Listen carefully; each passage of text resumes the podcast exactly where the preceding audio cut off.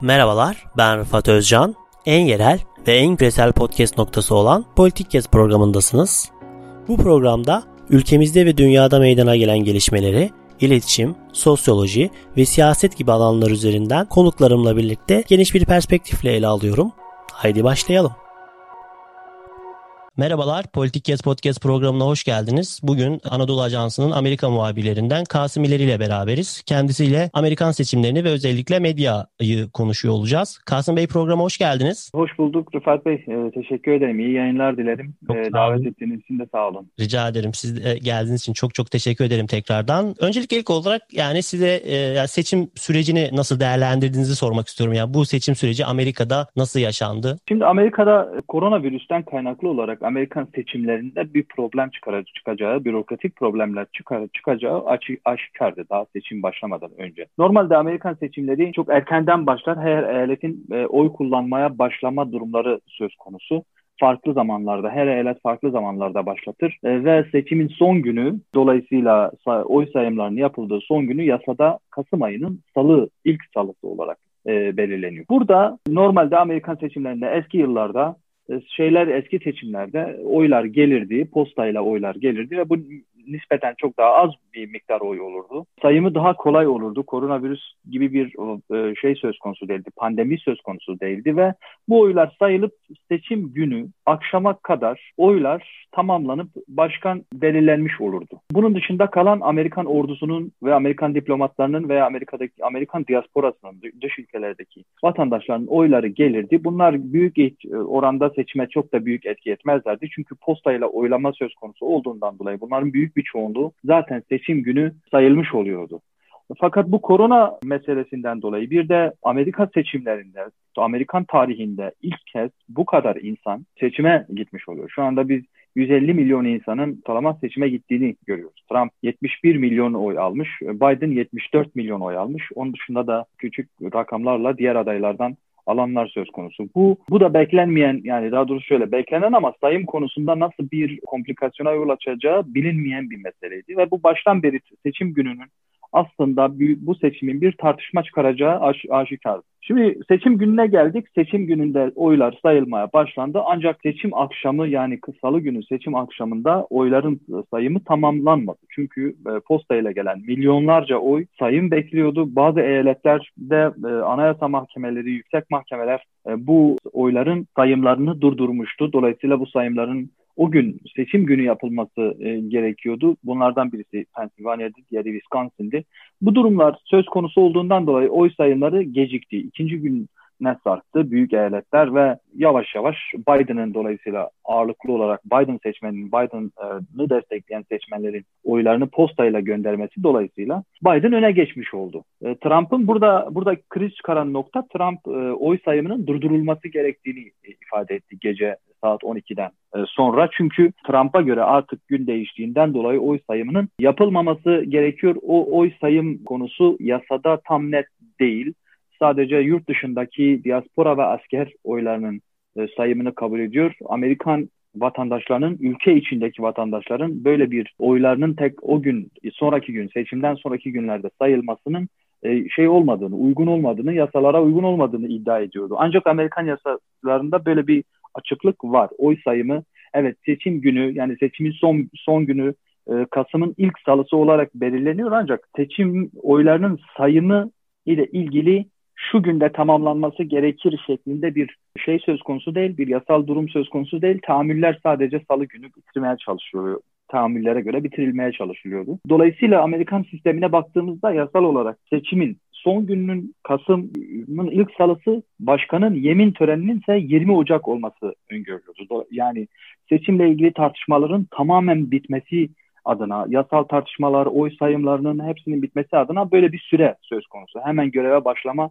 durumu söz konusu değil. Belli bir iki buçuk aylık bir süre söz konusu e, orada. Şu an Trump'ın dolayısıyla bu seçim sürecini bizim takip ettiğimiz kadarıyla Trump'ın itiraz ettiği nokta, Trump tarafının itiraz ettiği nokta bu. Yani seçim günü bittikten sonra Amerikan iç, Amerika'nın içinden gelen oyların sayılmaya devam ediyor olması. Bunun dışında bazı eyaletlerde Trump'ın e, oylarının yakılmış olduğu ya da işte çöplere atıldığı iddiaları var. Onun dışında bunlar karıştırdı ortalığı tabii. E, bunun dışında bazı eyaletlerde yanlış çıkmış ya da pusulası yanlış basılmış oyların temize geçirilme durumu söz konusuydu Pensilvanya'da. Bu durumlar e, bir anlamda şey ortaya karmaşık bir seçim süreci çıkardı önümüze. Bir önceki daha önceki seçimlerde görmediğimiz ben Obama'nın Trump'ın seçildiği e, seçime de katıldım. Obama'nın ilk dönemini de Ankara'dan takip ediyordum. Dolayısıyla bizim orada karşılaşmadığımız, takip ederken karşılaşmayacağımız, karşılaşma, karşılaşmayı da beklemediğimiz birçok komplikasyon ortaya çıktı. Şu anda orada takılı durumda. Seçim süreci dolayısıyla bir anda Trump'ın Biden birkaç eyalette Trump'ın önüne geçti. Dolayısıyla Pensilvanya'yı aldıktan sonra artık Biden'ın e, başkan olduğu ya da başkan olarak seçildiği Amerikan medyasının büyük kuruluşları tarafından ilan edildi ve Trump'ın iddiaları bir şekilde şu anda medya tarafından çok da dillendirilmiyor. Biden ekibini, geçiş ekibini hazırlamış. Trump da birkaç eyalette Georgia'da da şu an dün Georgia'ya da yönelik de bir dava açtı. Georgia, Pennsylvania ve Michigan'da birkaç davası söz konusu. Bu davaların sonuçlanması, oyların tekrardan sayılması e, gerektiğini iddia ediyor Trump. Dolayısıyla biz de izliyoruz açıkçası. Önümüzdeki günlerde neler olacağını bilmiyoruz. Trump e, seçimin ilk gününde dolayısıyla salı gününden sonraki yani seçim sonu Biden'ın kazandığı açıklandıktan sonra e, sokaklar bir anda tabii Biden e, taraftarları tarafından bir kutlama alanına çevrildi. Ancak bazı eyaletlerde biz Trump taraftarlarının sokağa çıktığını hatta silahlı grupların Oregon gibi eyaletlerde, Georgia gibi eyaletlerde sokağa çıktığını gördük. Önümüzdeki hafta çarşamba günü de Washington DC'de e, bir e, protesto gösterisi olacak. Trump destekçileri tarafından düzenlenecek bu gösteri. E, yani bu süreç biraz daha Evet şu anda Biden kazanılmış, kazanmış gibi görünüyor olsa da bu süreç önümüzdeki günlerde biraz daha karmaşıklaşacaktır diye e, bekliyorum Rıfat. Yani yine de resmi olmayan sonuçlara göre Joe Biden e, tabii, e, tabii e, başkan e, seçildiği söyleniyor. Şu an tebrikleri kabul ediyor. Yani e, şimdi medya ilişkisine e, gelmek istiyorum yavaş yavaş. Yani Trump'ın başkanlık dönemi boyunca medya ile ilişkisinin hep sorunlu olduğunu biliyoruz. Yani bu dönemdeki hem e, medya ile ilişkisini hem de bu son dönemde seçime giderken medya Trump'a yani özellikle ona karşı olan medya e, Trump'a ne şekilde bakıyordu? Mesela işte Hunter Biden hakkında çıkan iddiaları medyanın bir kısmının görmediğini e, gördük.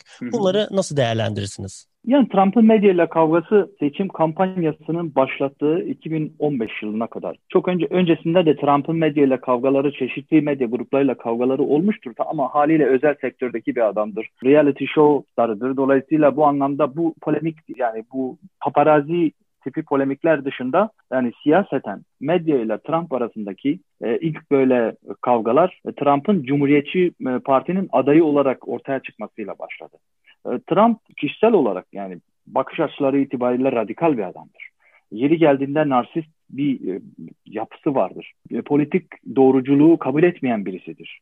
E, bir hatayı gördüğünde özellikle de yani dişinin geçeceğini düşündüğü bir kişide bir hata gördüğünde veya bir grupta bir kuruluşta hata gördüğünde bunu buna saldırmakta çekinmeyen birisidir. Dolayısıyla Trump'ın ilk Cumhuriyetçi Parti için başkanlık adayını koyduğunda 2015'te medya tarafından e, büyük ölçüde çok şeye alındı. Yani bazı zamanlarda tiye alındı, bazı zamanlarda radikal çıkışları öne çıkarıldı. Dolayısıyla medyada Cumhuriyetçilerin müesses zamının e, etkisiyle Trump'a karşı bir e, şey oluştu. Ciddi anlamda bir bir e, kamp oluştu ve Trump'ın birçok argümanıyla basın zaman zaman dalga geçtiği zaman zaman bunları televizyonlarda e, şok bir şeylerle verdiler. Dolayısıyla bu anlamda basınla Trump arasındaki e, ara o zaman açılmaya başlamıştı. Ba- basın Trump da basına saldırmakta hiç beis görmedi. Zaman zaman tabii yani bir basın mensubu olarak ben bunu ifade etmek istiyorum.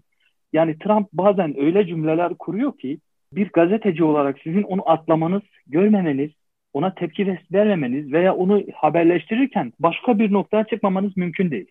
Ancak bir süre sonra özellikle Trump Cumhuriyetçi Baş Parti'nin adayı olduktan sonra hatta seçimi kazandıktan hemen sonra bu sefer medyadaki Trump'a karşı tepkiyi sadece bir gazetecilik refleksiyle açıklamak şey olmamaya başladı. Anlamlı ol, gelmemeye başladı. Çünkü organize bir durum söz konusu idi Trump e, Trump'a karşı. E, Trump'ın Rusya soruşturması Trump seçimi kazandıktan çok kısa bir süre sonra medya üzerinden yürüdü. Tamamen medyaya yapılan sızıntılar üzerinden soruşturma başladı. soruşturmanın her adımı medyaya bir şekilde sızdırıldı. Ve Trump birçok noktada medyayla karşı karşıya geldi. Özellikle de CNN New York Times, e, MSNBC. Bunlarda da şimdi Trump, CNN ben mesela bizzat şahidiyim bu konuda. CNN belli kaynaklarını aktarmaya aktarıyordu. Yani Trump karşıtı bir kampanyaya e, aktarmaya çalışıyordu ve belli yerlerden muhabirlerini çekmek veya muhabirlerin sayısını azaltmakla e, kaynaklarını Trump'a karşı olacak e, yapılacak sızıntılara, Trump'a karşı konuşacak kişilerin finanse edilmesine ayırdığına şahit oldum.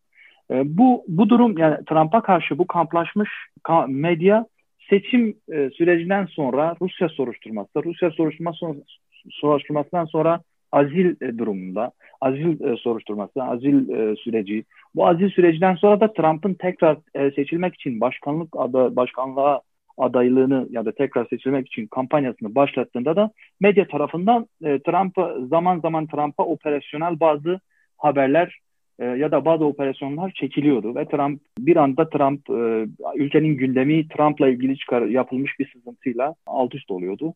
Bunu da tabii medya organize ediyordu ve medyanın her makalesi biz senatoda burada e, yetkililerin yani bakanların onaylanma sürecini takip ediyorduk. Bütçe görüşmelerini takip ediyorduk. Bu süreçlerde hep şunu fark ediyoruz. Senatörler veya temsilciler bir şekilde New York Times'ta çıkmış, Washington Post'ta çıkmış veya CNN'de görüntüsü ortaya çıkmış, MSNBC'nin iddia ettiği e, bir haberi Trump'ın yetkililerinin önüne servis ediyorlar. Ve bu çok sık olmaya başlayınca bunun artık bir organize kampanya olduğunu ve bir anlamda e, medyanın önemli bir ana akım kısmının Trump'a karşı olduğunu zaten artık çok e, az çok sezilebiliyordu. Seçim sürecine geldiğimizde de Amerikan medyasında çok bir ilk yaşandı. Ben kriterde de yazmıştım. 88 medya kuruluşu e, endorsement dediğimiz hani başkana desteğini açıklamıştı. Bu 88 medya kuruluşundan sadece 3'ü Trump'ı destek, desteklediğini açıklamıştı. Dergilerden birçok dergi var ama en kritik 5 derginin 5'i Trump'ı desteklediğini söylemişti. 3 e, bilimsel dergi var. Bu derginin bu dergilerin tamamı bilimsel dergi. Daha önce hiçbir şekilde şey yapmayan, başkan adaylarına destek açıklaması yapmayan bilimsel dergiler sefer e, Biden'ı desteklediğini e, ifade etmişlerdi. Bu anlamda buradan baktığımızda yani 2015'ten o güne kadar bu seçim sürecine kadar Trump'ın Trump'a karşı kamplaşmış organize bir medya söz konusuydu. Seçim sürecine giderken de e, şöyle bir durumlar söz konusu. Trump'ın vergisiyle ilgili haber New York Times'ta çıktı örneğin. Ve seçim Biden'la Trump'ın münazarasından sadece bir gün önce. E, New York Times ya da iki gün önceydi. İki gün önce New York Times e, Trump'ın 2017 ve 2018 yıllarında şirketlerinin zarar etmesini gerekçe göstererek sadece Amerikan devletine 750 dolar vergi ödediğini ortaya koydu çıkardı.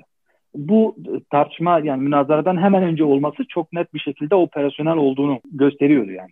İkinci münazaradan hemen önce de Trump'la ilgili Trump'ın Çin'de bazı e, gizli hesaplarının bulunduğunu ve bu hesapların bu hesaplardan Trump'ın Çin hükümetine vergi ödemiş olabileceği iddiaları ortaya atıldı. Daha sonra Trump tarafı bunu izah etti. Yani bu açık bir e, şeydi banka hesabıydı 2013'te açılmıştı. Çok kısa bir süre sonra da kapatılmıştı. Dolayısıyla Trump'ın başkanlığı döneminde veya başkanlık için adaylığını koyduğu bir dönemde bu banka hesapları yoktu. Olmadığı ortaya çıktı. Ancak sonuç itibariyle şeyde münazarada bu bir algı aracı olarak bütün Amerikalıların kitlendiği bir açık oturumda gündeme getirildi. Biden tarafından soruldu. Diğer taraftan e, Biden'ın Hunter Biden e, ilişkileriyle ilgili, Hunter Biden'ın Ukrayna'daki ilişkileri, Moskova Belediyesi'nden aldığı iddia edilen e, paraları, Çin'le iş yaptığı ve bundan Biden'ın haberdar olduğu, Biden'ın önemli ölçüde bu konuda Hunter Biden'ın babasıyla Çinli iş adamlarını e, tanıştırmak adına kazandığı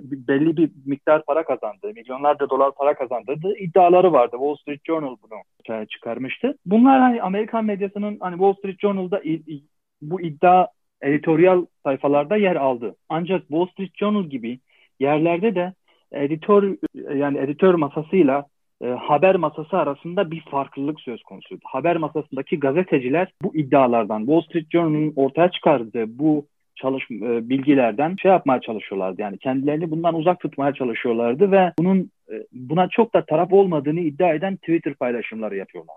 Şimdi medyanın bütün bu serüvenine baktığımız zaman e, bir anlamda Trump'ın medyada çok da dostu olmadığı aşikardır. Bunun kısmen Trump'tan kaynaklı olduğunu düşünüyorum. Gazeteci refleksiyle Trump'ın söylediği şeylerin yenilir yutulur tarafı olmadığı birçok açıklaması var. Radikal çıkışları var. Bununla birlikte de dolayısıyla e, Amerika'daki müesses nizamın Trump gibi birisine karşı böyle bir medyayı organize etme, medyayı etkileme çabalarının olduğunu düşünüyorum. Şimdi seçimden sonra yaşananlarla ilgili bir e, sorum olacak. Özellikle e, Trump'ın yaptığı bir basın toplantısı NBC, ABC, CNN gibi kanallar tarafından Trump'ın doğruyu söylemediği iddiasıyla yayınlarını kestiler. Bunu nasıl değerlendirdiğinizi soruyorum elbette ama bir gazeteci olarak da e, bunu nasıl değerlendirdiğinizi özellikle sormak istiyorum. Bir de yani teorik olarak da baktığımızda da normal bir şey mi bu? Yani yalan ve doğrunun sınırları bu şekilde çizilebilir mi? Medya bunu evet. ne kadar e, ne derece bunu başarabilir? E, bunu sormak istiyorum size. Amerikan medyası tabii ki e, dünyada en gelişmiş medyalardan biridir. Örgütlenme bakımından da öyledir. Kendi içindeki mahalle baskısı da aynı şekildedir. Dolayısıyla Amerikan medyasının sınırları da bellidir. Kendini ifade etme şekilleri de çok değişiktir. Biz ben, ben açıkçası Trump zamanına kadar ya tamam Amerikan medyasının elbette ki bir söylemsel rolü vardır ama bu böyle siyasal bir etki oluşturacak ya da direkt bir kişiye karşı, bir partiye karşı, bir kuruma karşı kamplaşıp bunu profesyonelce bir şekilde şey yapacaklar yani açık bir şekilde dünya ilan edecek bir şekilde dünya göstere göstere yapacakları bir noktaya getirmeyeceklerini düşünüyordum. Ancak Trump e, zamanında hani Twitter'dan da gördüğünüz üzere hani medya kanalları bir gazetecilerin yani gazetelerin bir bilginin doğru olup olmadığını sorgulayıp haberini ona göre yapması ayrı bir şeydir. Fakat bir yetkilinin açıklaması velev ki doğru olsun veya yanlış olsun. Bu bir açıklamadır. Daha sonra bu yalan çıkar, bu yalanı da haberleştirirsin. Ya da bu yalana ya da atılan ortaya atılan iddiaya siz bir fact check yaparsınız. Trump bunu söyledi ancak bu ifade böyle değil ya da bu ifade şöyle de bir bilgi var gibi altına bilgi ekler. Televizyonların Amerika Birleşik Devletleri Başkanı'nı yayınını gerçekleri yansıtmıyordur diye kesiyor olması Amerikan tarihinde yaşanmış bir şey olduğunu düşünmüyorum. En azından ben 6,5 yıldır Amerika'da karşılaşmadım. Öyle bir durum söz konusu değil. Yani bir yayını kesip bu bilgiler yayının kesme şeyi de yani bu bilgilerin doğru olmadığını ifade etmesi, bu bilgilerin doğru olup olmadığını karar, olmadığına karar verecek e, merci e, basın değildir. Elbette ki basın bir şeyleri yazar, çizer, bunu yalanlayacak ya da bunun tersine bu, bu, bu iddianın tersini ortaya çıkaracak, tersini ifade edecek bilgilere erişmiş olabilir. Bu bilgileri kendi yayınında da koyabilir. Ya televizyonlar da koyabilir, gazeteler de koyabilir. Ancak bunu bu yalan söylüyordur diye biz e, özellikle Trump döneminde karşılaştık. E, Trump bu ilk değil daha doğrusu. CNN daha önce Beyaz Saray'dan bir yetkiliyi televizyona çıkarıp sonra ben senin saçmalıklarını dinlemek zorunda değilim diye yayınını kestiğini ne şahit oldum. Jake Tapper yaptı mesela. Veya işte bir dernek başkanı e, siyahiler, Trump için siyahiler diye bir dernek var. Bu derneğin kuruluş, bu e, sivil toplum kuruluşunun başkanını CNN televizyona çıkarmış. Yani adama olmadık laflar, olmadık ithamlarda bulunup adamın saçmaladığını, adamla adamla bir nezaket içerisinde bir e, tartışmaya müsaade etmek sizin adama Trump'ın yaptıklarıyla ilgili, Trump'ın sözleriyle ilgili, Trump'ın hani radikal çıkışlarıyla ilgili bir dizi e, metin okutturup ortaya adamı mahcup edecek bir durum çıkardılar. Yani yayına çıkarıp aynı zamanda yayına çıkardıkları adama karşı büyük bir nezaketsizlik söz konusu oluyordu. Ama bu alt düzey yetkililerde olduğundan dolayı yani işte ulusal güvenlikte bir yetkili veya işte bir dernek başkanı olduğunda biz hani e, bu televizyon programıdır, tartışma programıdır. Sunucu bunu yapıyor bu arada yani. Moderatör sunucu başka bir tartışma, başka bir tartışmadaki başka bir panelist ya da başka bir kişi değil. Sunucu bilhassa bu yetkiliye böyle bir e, tavır e, koyuyordu. Şimdi biz Trump, bu bizim için çok radikaldi. Amerikan medyasının yüzünü böyle bu şekilde görmek benim açımdan açıkçası çok radikal bir e, durum olarak e, görüldü. Çünkü ben daha önce Amerikan medyasına baktığımda evet bunlar çok profesyonel bir söylem yürütürler. Önemli bir retorik söylem aracıdırlar. Retoriği çok profesyonelce koyarlar. Siz o retoriği çok ciddi anlamda hissetmezsiniz ama sonuç itibariyle bunun haber, her bir haberin bir amacı vardır. Bunu bilirdik, bu profesyonelliğin farkındaydık. Fakat Trump döneminde bu profesyonellikten eser kalmama, bu profesyonellik ciddi anlamda aşınırken bundan, bundan eser kalmadı artık. Biz bir süre sonra biz baktık ki yani Trump karşısında adeta Trump'ı sansürleyebilecek, Amerika Birleşik Devletleri Başkanı'dır. Nasıl bir adam olduğunu, nasıl bir cümle kurduğu hiç mühim değil. Ne kadar radikal bir cümle kurduğu hiçbir şekilde mühim değil. Ben şaşkınlıkla izledim bu kanalların Trump'ı kesip bir de bunun üzerine bu bilgilerin doğru olmadığı iddiasını ortaya atmaları ciddi anlamda bir medya krizi olarak görüyorum ben Amerikan medyası açısından. E, tam bu noktada son söylediğiniz cümleden e, bir soru daha sormak istiyorum. Yani CNN mesela tek tek işte bunlara cevap verdi. Bu bu bu bu bu bundan dolayı işte bunlar yalandı biz bundan dolayı kestik. Medyanın e, bu tutumu normal bir e, tutum mudur? Yani normal olmadığını bir önce söylediniz ama siz bu argümanı nasıl değerlendiriyorsunuz aslında? E, e dediğim gibi yayını kesmezsiniz. Yani yayını ke- biz bunun argümanların doğru olmadığını gerekçe göstererek sansürlemezsiniz bir yayını. Yani yayını yarıda kesmezsiniz. Yayını söylenir, arkasından siz isterseniz altyazı geçirirsiniz, isterseniz görüntünün üzerine koyarsınız o bilgiyi, isterseniz sonrasında bunu söylediği her söylediği cümlenin kenarına, yanına bir şey açıp yani bir kutucuk açıp o kutucukta bunun gerçeğini ya da bunun faktüel olan yani maddi hata neredeyse o hatayı gösterecek bilgiyi koyarsınız ortaya. Dolayısıyla hani bu şey açısından gazetecilik ilkeleri açısından tartışmasız bir şekilde yani siz hiçbir şekilde vermezsiniz. Yayına girmez. Trump'ı takip etmezsiniz. Yayın olmaz. Bu anlaşılır. Bu anlaşılır ama şu anlaşılmaz yani. Yayınını kestikten yayın argümanlar çok saçmaydı. Dolayısıyla argümanlar yanlıştı.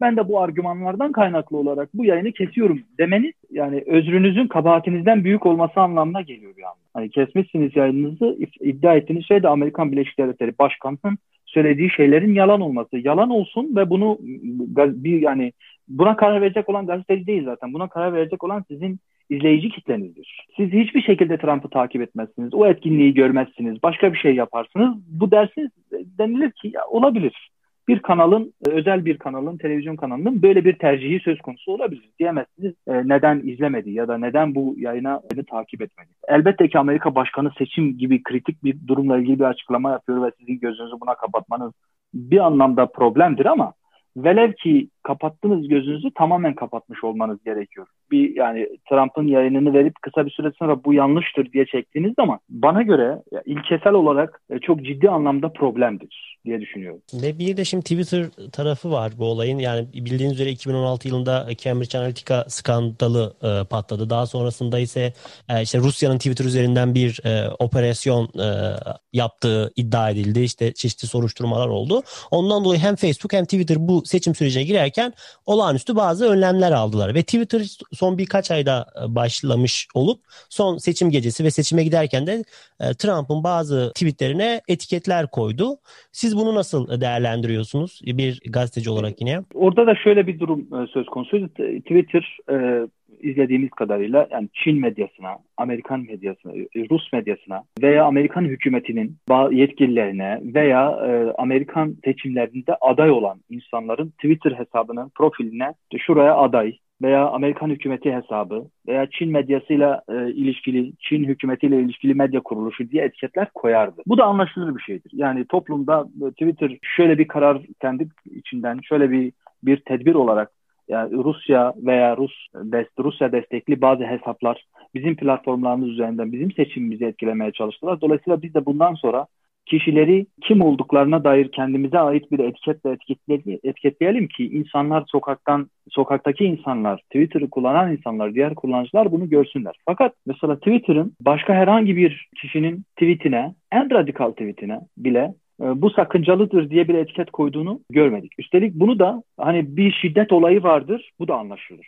Ciddi anlamda bir e, e, grafiksel bir durum söz konusudur. Bunların tartışılmaması ya da bunların toplumda yayılmaması açısından Twitter böyle bir uygulama yapar. YouTube zaman zaman yapar. Facebook te- tedbirler alır. Ve ülkeler kendileri mahkeme kararlarıyla bu görüntüleri kapatırlar, şey yaparlar ama yani bir başkan seçimle ilgili bir bilgi paylaşıyor. Altına eskiden fact check koyuyorlardı. Durum fact buradadır bir de şuraya gidin deyip link gösteriyor e, Twitter. Daha sonra da bazı tweetleri kapatıp üzerine sakıncalıdır, e, seçime etki etme durumu söz konusudur diye yapıyor. Çünkü Twitter'ın temel amacı, çıkış amacı, çıkış noktasına baktığınız zaman insanların içlerinden geldiğini hani kısa bir cümleyle ifade etmeleri için bir özgürlük platformu. Herkes, DAEŞ bile kullanıyor bu platformu. Terör örgütlerinden tutun, devlet yetkililerine kadar, sokaktaki e, gençlerden tutun, çok daha farklı dini örgütler, herkes kullanıyor bir şekilde bu e, platformu. Amacı da zaten bu. Temel amaçları özgür, özgür e, yani insanların ifade özgürlüğünü sağlamak, ifade özgürlüğüne katkı sağlamak. Kendilerini ifade et, etme tarzı bu. Twitter kendi bu şekilde ifade ediyor. Bununla birlikte Amerika Birleşik Devletleri'nde önemli bir siyasi aktöre bu tweet sakıncalıdır. Bu tweetin aslında aslı şuradadır, buradadır demesi daha önce görülmüş bir şey değil ve şey bir durum. Yani Twitter'ın taraflılığını açık bir şekilde göze bir de Trump'tan başka kimseye yapmadığını görüyoruz. E, Twitter'da milyon tane iddia dönüyor her gün. Bunun sadece Trump'a yapılmış olması bir anlamda Trump'la yani e, Trump'ın siyasi duruşu, Trump'ın şahsiyeti, Trump'ın radikalliği, belli ölçülerde ırkçılığı tamamını göz ardı ederek söylüyorum bunları. Bütün bunları e, bir kenara koyalım. Bir platformda bu adam ülkenin başkanıdır ve bir ifade kullandığında bunu bir platform, o ifadeyi kullandığı platform e, buna bir etiket koyması her anlamda kabul edilemez bir durumdur aslında. Seçim sürecinde, seçim gününde Trump'ın ben seçimi kazanıyorum ifadesine bile bunu e, koyuyor olması şey yani. Sonuçta Trump bunu bu platform e, herkesin her şeyi ifade etmek için, her şeyi ifade edebilmesi için kurulmuş bir platform olarak lanse edilmiyor mu dünyaya? Öyleyse o zaman bir kişinin velev ki yanlış olsun böyle bir açıklaması ki önemli kritik bir e, isimden bahsediyoruz. Herhangi bir kişiden bahsetmiyoruz veya seçime müdahale etmeye çalışan bir Rus trollden bahsetmiyoruz. Yani biz Amerika Birleşik Devletleri'nin başkanından bahsediyoruz. Söylediği her şeyin haber değeri var. Bir gazeteci olarak söylüyorum. Yani söylediği her şeyin her anlamda haber değeri var. Ve haber kanalları, uluslararası medya Trump'ı Twitter üzerinden takip ediyor. Dolayısıyla Trump'ın söylediği şey velev ki yanlış olsun, velev ki yalan olsun bir anlamda bunun bir haber değeri söz konusudur. Bu haber değerini göz ardı edilemez. Bu, bu bilginin haber değeri, bu ya da bu iddianın, açıklamanın haber değeri göz ardı. Twitter onun altına şeyler ekleyerek siyasi bir tavır almaya başladı. Bunu da sadece Trump'a uygulayarak hangi siyasi tarafı tuttuğunu veya hangi siyasi taraflılığını, hangi siyasi tarafı esas alarak yaptığını gösterdi bize. Bu da Amerikan e, yani son 4-5 yılda Amerika'da gördüğümüz çok ilginç ve bizde ezber bozan bir durum aslında. Son olarak da bütün bu konuştuklarımız üzerine e, şunu sormak istiyorum. Tabii şimdi Trump'ı tanıyoruz son 4 senedir 4 senedir yaptıklarıyla. De bahsettiğiniz gibi aslında basın ilk başta şey yapardı yani işte şu yalan yani her açıklamasında şu yalan işte şu günde bu kadar yalan söyledi diye yayınlar da ederdi. Dolayısıyla Trump'ın sabıkalı olduğunu biliyoruz. Trump'ın bu tarz e, söylemleri olduğunu biliyoruz. Siz e, takip ettiğiniz kadar yani bu seçim gecesinde Trump söylediği ve iddialar yalan mıydı? Yani açıkçası şöyle.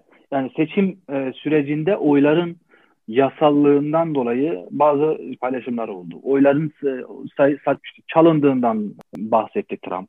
Bunların ne kadar doğru olduğu Amerika gibi çok büyük bir ülkede seçim sisteminin her eyalette farklı olduğu, seçim e, yani oy kullanma oy pusulalarının bile farklı olduğu bir yerde bunu bunların doğru olup ya da doğru olmadığını kestirmek şu an şu an itibariyle şu an için oldukça zor. Zaten bir şekilde sayılmış, bir şekilde sayımı tamamlanmaya yakın bir e, şeyden bahsediyoruz. Trump'ın sadece şu anlamda ben kazandım iddiası şundan kaynaklıydı. Hani zaman e, saat 12'ye geldiğinde dolayısıyla artık gün bitti ve bundan sonraki oylar legal değil iddiasının yasal karşılığı yasada açık. Yani bir e, esneklik söz konusu orada. Trump bu şekilde iddia etmesi yanlış olmamakla birlikte demokratların da 10 Kasım'a kadar oyları sayabiliriz açıklaması da yasal olarak bunun bir karşılığı yok. Yasada bu esneklik söz konusu. Dolayısıyla hani ben hani burada şu ifadeyi kullanmak istemem.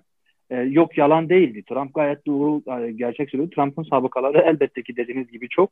Evet yalandı. Tamamen Trump işte diğer yalanlarından biri de e, diyemem. Çünkü bu seçimde usulsüzlüklerin olacağını Trump defaatle ifade ediyordu. Ve medya Trump'ın üzerine şöyle bir şekilde gidiyordu. Seçim sonuçlarını kabul edecek. Şimdi Trump diyor ki evet kabul edeceğim desen bana yolsuz, usulsüzlük yaparak bu seçimi bana şey yapacaklar. Bana kaybettirecekler diyordu.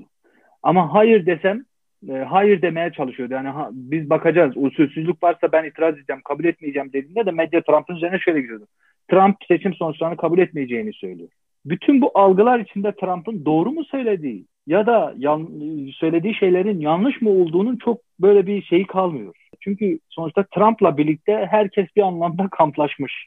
Bu Trump'tan kaynaklı olabilir veya Trump'a karşı oluşmuş kamptan kaynaklı olabilir ama sonuçta böyle bu kamplaşma, kutuplaşma çok ciddi olduğu için şu anda Trump doğru söylüyor ve demokratlar yalan söylüyorlar demek de yanlış. Trump yalan, yalan söylüyor, demokratlar haklı demek de yanlış. Bu seçim sürecinin çünkü kendi içinde daha önceki seçimlere göre büyük karmaşaları var.